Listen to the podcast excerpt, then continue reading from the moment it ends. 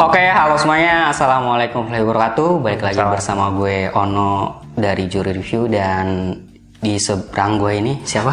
Ferguso. Eh, Ferguso. ya. Selamat datang di Bahas. Oke, Ferguso. Iya, Apa siap. Adriano. Iya, iya, iya. Gue juga nggak tahu itu siapa. Oke, eh, ini dia namanya Danur. Iya, Danur. Eh, jadi kan kalau di segmen bahas ini Nur, gue biasanya ngajak ngobrol orang gitu buat tahu dia tuh sebenarnya lagi ngerjain apa sih. Ya pengen kepo-kepo aja gitu. Ya siapa tahu ada hal-hal yang bisa gue ambil gitu dari para tamu gue. Oke. Biasanya sih gue ngerjain ini tuh sama Desta sih. Sama Desta. Oke. Kalau kalian nonton episode tua-tua nonton anime, nah itu tuh Desta. Oh gitu. Iya. Udah tua, siap. udah tua tapi nonton anime. Iya, kalau gue juga biasanya sama Sule sih. Oh. Iya. Sule, Sule. Sule mana nih? Sule Suleman. Jadi kita tuh udah berapa lama ya nggak ketemu ya? Berapa lama ya? Kan kalau kita biasanya ngumpul di kondangan-kondangan ya, nikahan-nikahan biasanya. Kalau gue sih ngerasa ingetan gue tuh kayaknya ngeliat lu terakhir pas nikahan gue ya. Oh iya, ya syukurnya gue datang ke nikahan Datang iya itu karena gue nikah di Koja lu tinggalnya di Semper. Iya, ya kalau Iya. kalau nggak datang kebangetan. Iya, tinggal ngesot 10 menit nyampe ya. Mm-mm. Mm, ngesot 10 menit. Iya, alhamdulillah. Terima kasih Pak Anies. Mantap. Ya, oke, siap masuk bahasan. Intinya apaan sih? Iya intinya sih gue tuh pengen tahu aja sih, lu tuh Oh, Itu selama selama ke- kita nggak eh, ketemu tuh nggak ngapain ketemu. Oke, siap. Jadi eh, selama gua nggak ketemu itu kan berarti kejadian Desember 2016 ya. Iya Terus 2018. sekarang Desember 2018. Eh, BTW gua kemarin enif 2 tahun nikahan gua. Iya. Bapak udah enif berapa tahun, Pak? Iya iya. iya. Oke skip skip skip. Iya, jadi selama 2 tahun sih kemarin ya kalau gue habis nikah itu gue eh, ngebangun bisnis yang satu bisnisnya itu soal ya sebenarnya dua-duanya sih eh, kaitannya digital marketing ya. Cuma satu lebih ke jasa yang satunya lagi lebih ke all shop dan itu bareng istri gue nah kalau yang jasa ini sih gue partneran lah ada investornya terus sama beberapa temen atau rekan kerja. Kalau di perusahaan biasa nyebutnya karyawan gitu tapi gue sih nyebutnya rekan kerja aja. Oke rekan kerja. Sosok gimana gitu? rekan kerja. Kayak mana? Ya, ya sama aja. iya ya enggak lah Oh enggak. enggak Maaf maaf. Hmm, ya kita sama-sama bercanda Oh, iya. cuma kalau bercanda kelewat batas besok pecat gitu aja Jadi apa tuh namanya? nama apanya nih Nama apa? Lu nyebutnya apa? PT, CV apa? Eh, kalau PT eh, namanya I- OS, PT Osda Digital Internasional Osda Os- Digital. Osda Digital Internasional. Oke. Tapi yang tampil ke permukaan atau brandnya itu adalah Indonesia Go Digital. Indonesia Go Digital. Hmm, gitu. Kan tadi lu bilang apa itu tuh digital marketing ya kan? Iya. Sebenarnya tuh ngapain aja sih? Kalau digital marketing yang gue lakuin sebenarnya lebih membantu orang ya, membantu orang untuk memasarkan jasa atau produknya dia ke masyarakat sih. Itu pendeknya kayak gitu. Cuma yang gue lakuin itu kaitannya sama optimasi website di mesin pencari sama ngiklan di Facebook gitu sih. Kalau sampai sekarang berarti udah siapa aja nih yang lu pegang? Udah siapa aja yang gue pegang? Ada beberapa brand, cuma mungkin karena awalnya gue itu kenalnya sama klien-klien di apa ya, yang dia aktif di bidang hukum. Terus mungkin mereka ngerekomendasiin ke beberapa temennya, akhirnya gue jadi secara nggak langsung, sebenarnya nggak nggak gue sengaja gitu ya. Jadi fokusnya tuh lebih eh, ke bidang hukum. Nah kalau misalnya lu tanya tadi siapa aja, ya ada eh, lawyer, lawyernya itu ada yang pengacara keluarga, kemudian ada pengacara korporat, terus ada juga yang agen perizinan kayak pendirian PT, CV, haki dan macam-macam sih. Tapi emang secara garis besar klien-klien gue itu aktif di bidang hukum kayak gitu. Jadi si klien lu ini yang aktif di bidang hukum itu mempromosikan jasa hukum dia dengan cara digital marketing atau gimana tuh? Iya, jadi eh, klien gue ini dia punya jasa misalkan mm, pengurusan PT gitu ya, pendirian PT kayak gitu. Dan dia ini mau cari klien juga kayak gitu. Jadi klien gue mau cari klien dan itu caranya adalah dengan eh, melalui digital marketing. Nah karena mereka nggak terlalu ahli soal digital marketing, akhirnya mereka eh, minta bantuan gue buat mendigital marketingkan jasanya mereka kayak gitu sih. Jadi posisi gue tuh kayak agency, kayak partner juga kayak gitu. Digital marketing dan Hmm. ini sebenarnya sebelum nyampe ke sana, lu tuh gimana bisa dapet investor gitu? Umuran kita kan sama ya. Emang lu tau gue dapet investor? Kan lu tadi bilang. Oh tadi gue bilang ya? Ah. Oke. Oke, jadi awalnya itu adalah eh gue kenal sama satu orang dan dia apa namanya bisnisnya itu di bidang hukum. Kemudian karena dia bisnisnya udah berkembang, jadi dia sebenarnya lawyer, tapi akhirnya punya tim dan timnya itu punya beberapa lini kayak gitu. Jadi kan hukum itu kan cakupannya luas ya. Uh, ada yang hukum keluarga, ada yang kaitannya sama korporat, kemudian ada juga yang kaitannya sama warga negara asing, kemudian perizinan kayak gitu. Dan dia akhirnya uh, punya tim, masing-masing tim itu nge, apa namanya punya brandnya masing-masing kayak gitu. Terus gue ketemu awalnya gue itu mau ngelamar kerja waktu itu kan waktu itu gue masih lu lulusnya bareng sama gue gak sih Eh, bareng kayaknya. bareng ya Lu, Gua- gua gak usah, gak usah disebutin. gak usah disebutin ya. pokoknya kita agak lama ya lulusnya agak ya, lama, agak anti mainstream memang Agak lama. Iya, oke, siap. Jadi waktu gue mau lulus itu, gue sempat ngelamar kerja. Jadi semua, jadi ya gue ngelamar di Job Street, kemudian datang di pameran offline kayak gitu. Nah dari, jadi banyak banget lah ratusan pelamar, kayak ratusan lamaran yang gue apply. Akhirnya orang ini nge-call gue, terus kita interview. Tapi pas interview kita ngerasa cocok. Cuma mungkin karena gue waktu itu kan udah punya apa ya punya sampingan sebagai freelancer, freelancer online kayak gitu dan gue megang klien juga di luar negeri lewat Fiverr.com Hmm. dan jadi kayak gue punya punya standar sendiri gitu. Kalau gue mau digaji, gue punya standarnya sekian kayak gitu. Kita udah cocok, udah ngobrol ngalor ngidul, terus strategi ke depannya kayak gimana. Tapi akhirnya mentok di eh, gaji itu sendiri. Gue nawarnya ketinggian kayak gitu. Ditawar sama dia nggak bisa. Gue juga, gue karena gue waktu itu masih punya kerjaan juga. Akhirnya ya, ya udahlah kayak gitu. Gue kalau dia nggak dapet ya udah kita eh, masing-masing juga nggak masalah kayak gitu. Sampai akhirnya gue nggak mikir lagi dia butuh gue banget kayaknya sih. Sampai akhirnya kok apa namanya kayaknya dia bisa jadi duit kayak gitu dan lo dia nggak bisa nge-hire gue jadi karyawan gue bisa jadi konsultannya dia.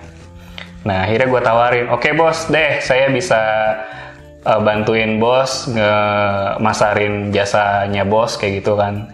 Nggak usah pakai angka yang kemarin.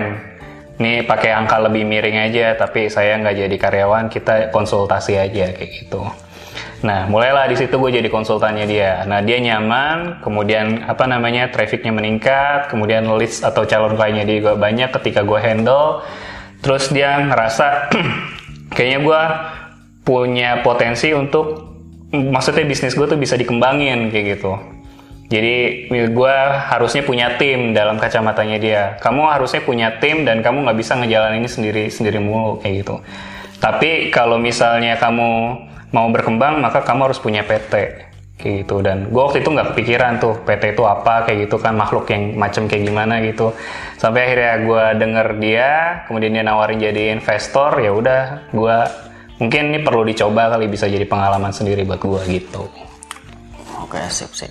Singanur, singanur. oh gitu. Kurang rapet biar mesra. iya iya iya iya iya iya. Iya ini emang agak nempel gini ya bisa ya Eh, benar. iya tadi kepotong dong Hah? kepotong tadi Enggak apa-apa. Nggak apa-apa, Nggak oke, apa-apa. siap. Pokoknya ini raw lah pokoknya. nah, eh, kalau gue dengar cerita lu ini me- menarik banget sih. Hmm. Dan menurut lu menurut lu sendiri ini tuh sebuah keberuntungan atau sebuah persiapan yang akhirnya datang. Kan nggak mudah kan tiba-tiba datang seorang investor yang istilahnya menanamkan sejumlah uangnya lah Hmm, ke ke sesuatu yang bisa dibilang gambling apa enggak? Gambling kan? Eh, jadi gini, dia itu eh, bikinin gue PT waktu itu. Tapi bisnis, jadi dia nanamin modal, terus kan gue udah ngehandle banyak brand nih. Hmm. Jadi uang dari brandnya dia masuknya ke PT, Ke PT. gua, yang di mana Yang itu di- ada dianya. Oh iya, gitu. ngerti gua. jadi kayak ada jaminan gitu. Oh iya. Iya. Ah, iya. ya gitu lah. Berarti dia nggak 100% itu punya lu gitu atau gimana? Ya, kalau dibilang dari punya, kan itu PT ada yang namanya saham ya, Hmm. kayak gitu ya. Gua ada persenan saham sama dia lah, kayak gitu. Jadi ya ada jumlahnya lah, kayak gitu.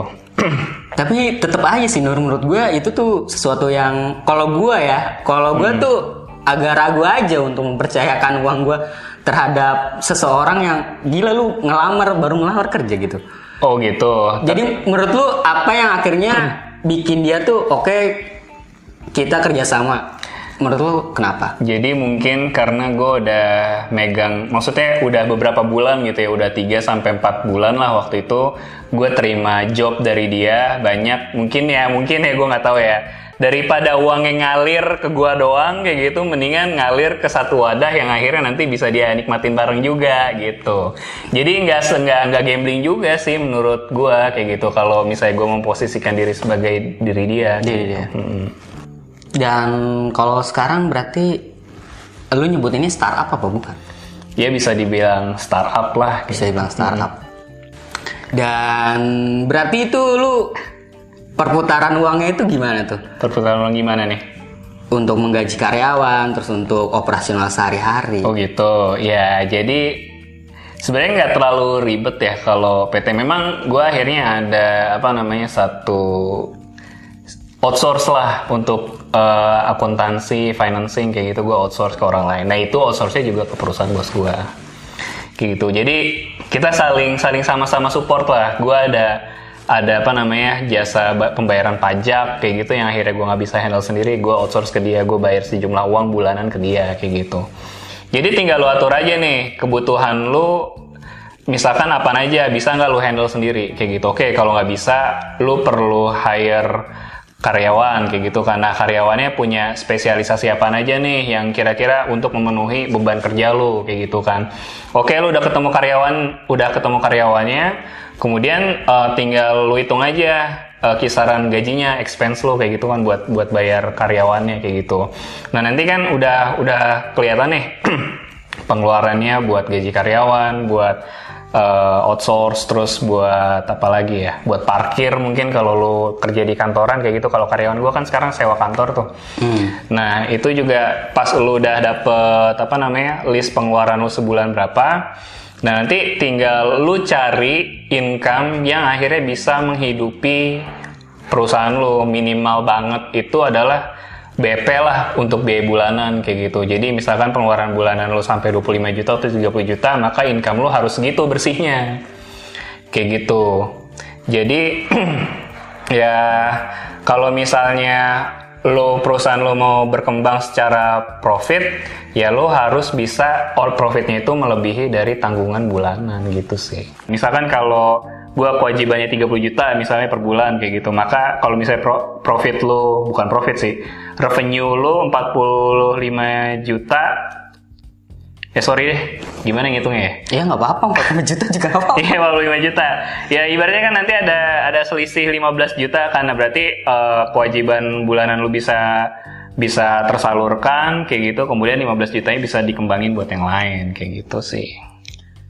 Hal-hal yang kayak gitu sebenarnya lu pikirin seiring berjalannya Waktu. waktu apa Hmm. lu udah pikirin dari awal? Itu sih eh, sebenarnya berjalannya waktu aja ya. Karena kan kalau di awal gue mikirnya cuma buat diri gue aja gitu. Hmm. Karena gue eh, biasa freelancing kan lu tahu fiverr.com ya? Iya. Fiverr.com pasar jasa. Kan gue biasa dapat uang dari situ. Itu gue mikirnya cuma ya udah buat diri gue dibuat diri gue aja gitu. Gue nggak mikirin karyawan. Karena selama waktu itu gue mikirnya selama masih gue bisa tanganin sendiri ya udah kenapa gue harus rekrut karyawan? Tapi waktu itu investor gue berkata lain. Dia nyaran dia dia bilang "Eh, kalau kamu ngerjain sendiri terus, kapan kamu berkembangnya gitu? Kamu nggak bisa liburan, kamu nggak bisa ngerjain yang lain, kayak gitu. Kamu nggak bisa ngebagian keluarga kamu gitu. Kalau kamu sakit, bisnisnya bakal berhenti, kayak gitu. Dan baru di situ gue mikir, oh berarti emang gue butuh karyawan yang bisa handle beban kerja gue, kayak gitu. Jadi perlahan-lahan sih sebenarnya, kayak gitu. Jadi bisa dibilang Indonesia Go Digital Hmm. ini udah stabil lah ya. eh ya bisa dibilang begitulah. Udah profit berarti. Profit, alhamdulillah. Alhamdulillah. eh, udah nikah.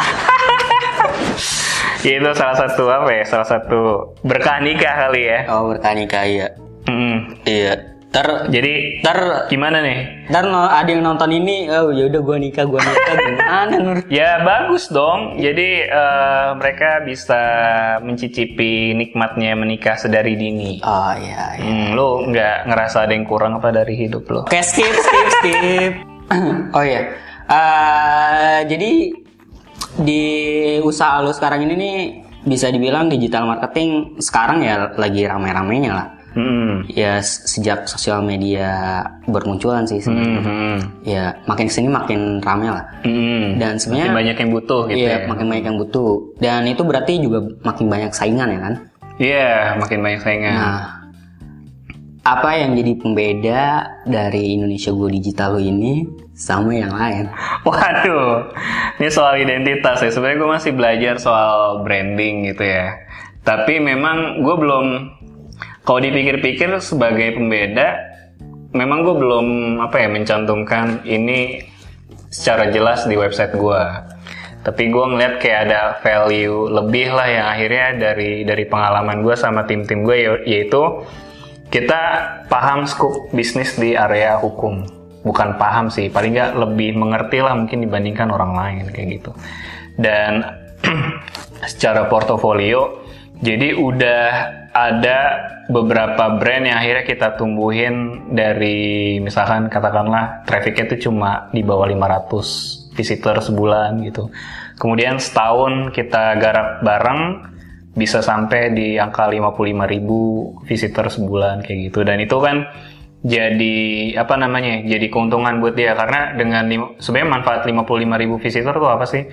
Eh, oke lah kan dia itu eh, kita pakai cara yang organik ya organik dalam artian optimasi artikelnya dia kontennya dia itu jadi kalau misalnya orang nyari lewat mesin pencari kontennya dia ketemu kayak gitu dan kalau misalnya udah dipajang di halaman pertama Google atau mesin pencari itu kan jadi media iklan yang gratis buat dia Iya, benar. Mm, jadi dia nggak perlu keluar uang pun traffic datang Iya, karena udah di page pertama. Iya, udah di page pertama. Dan kalau traffic datang, kan itu dia nulis soal artikel hukum dan pasti uh, pengunjung yang datang yang memang mereka butuh apa namanya ya, butuh konsultasi soal hukum kan kayak gitu. Dan dari situ gue pernah dengar dari klien gue juga, jadi itu inquiry-nya itu sampai 400 gitu loh. Jadi orang-orang yang nanya, ya katakanlah kalau kita jualan online shop yang nanya-nanya tuh sampai 400 gitu dan dia ada ada 400 calon klien pada satu bulan kayak gitu sih jadi karena kita banyak portofolio ngebantuin klien di bidang hukum jadi kita cukup tahu lah untuk scope-scope gimana cara eh scope-scope bidang hukum kayak gitu gimana cara masarin jasa jasa yang berkaitan sama hukum gitu Jadi sebenarnya menjadi beda itu harus atau enggak sih Nur? Atau ya kita jadi diri sendiri aja, maka nantinya kita jadi beda atau gimana menurut? jadi diri sendiri gimana nih Ya kita nggak berusaha untuk jadi beda gitu, tapi berusaha untuk jadi diri sendiri. Kalau menurut gua, eh, kalau lu berusaha jadi diri lu sendiri nih dalam bisnis ya. Kalau yang, ya memang gua kan baru, ya masih pemula lah ya dalam bisnis baru 2 tahun gitu. Kalau menurut gua misalnya lu berusaha menjadi diri sendiri tapi nggak ada pasarnya, kayak gitu dan itu kan akhirnya lu nggak nggak bisa bermanfaat buat siapa pun kan kayak gitu. Paling nggak kalau lu emang lu mau jadi diri sendiri, ada orang yang akhirnya bisa menerima manfaat lu, kayak gitu. Dan kalau misalnya lu tanya eh, seberapa penting sih menjadi beda, menurut gua penting karena sedikit lebih kalau kata Panji Pragiwaksono kan sedikit lebih beda itu lebih baik daripada sedikit lebih baik kan Ah, kayak gitu. iya. Oke lah, eh, memang ini eh, jadi pelajaran juga buat gua. Memang secara jelas tadi secara gamblang belum gue cantumin di website, tapi memang ada value yang gua rasa lebih lebih lebih kita dapat dibanding agensi lain. Oke lah, ada banyak agensi, ada banyak expert yang dia main di digital marketing. Tapi seberapa banyak orang yang akhirnya dia punya eh, apa ya? Kalau bahasa bahasa lunya kan kafaah ya, pemahaman pemahaman dalam bidang hukum kayak gitu. Kayak gitu sih. Kalau misalnya lu expert, oke lah digital marketing, tapi lu expert buat pengebantu pengacara perceraian, berarti kan lu akhirnya nanti dicari sama pengacara perceraian. Kayak gitu. Dan itu jadi nilai tambah buat lu kayak gitu karena lu udah terspesialisasi di situ. Oke, ini kayaknya jadi pertanyaan terakhir dan baterai baterainya juga udah mau habis. Eh, Siap. jadi tips lu nih, tips lu untuk orang-orang yang pengen pertama kali buka bisnis. Ya skalanya apa pun lah itu mulai dari yang kecil kecil. Yang kecil dulu aja ya. Kalau gede gue nggak tahu. Soalnya gue belum belum megang duit banyak soalnya. Belum sampai mm lah kayak gitu. Tapi menuju ke sana insya Allah. Amin. Amin.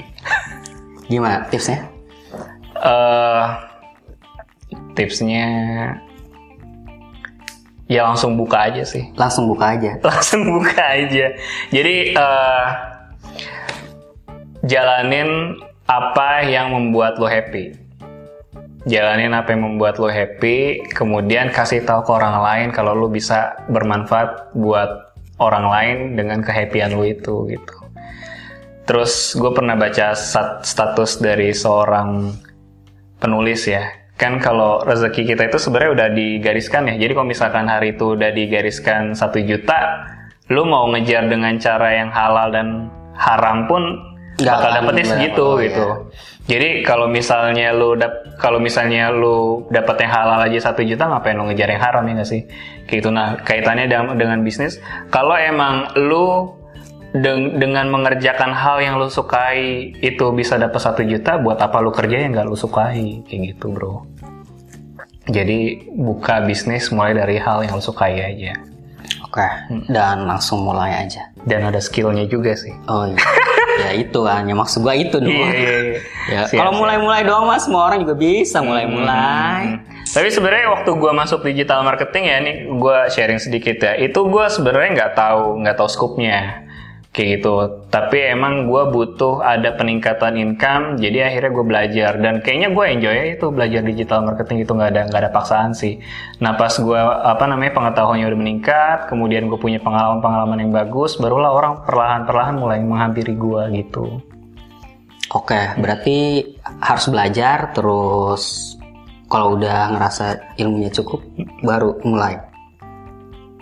Atau Enggak juga sih. enggak juga. Ya, Ya pokoknya mulai aja lah se- semampu lu. Pasti kan lu selama Oh, hidup ada iya, ini iya, ya, ada iya. pengalaman lu sendiri ya kayak Iya, gitu. iya.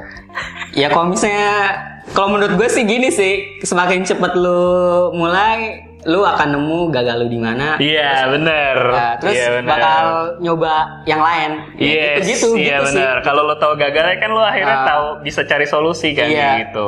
Kalau misalnya nggak dimulai mah lu nggak bakal tahu gagal. Nah, bener. Kan gitu kata Om Bob Sadino almarhum pas ditanya bisnis apa sih yang bagus Om kayak gitu. Bisnis yang dibuka dan bukan ditanya Hmm, kayak gitu. ya, Oke, jangan banyak tanya makanya. Udah nih ya, nggak banyak tanya nih. Iya udah udah banyak tanya.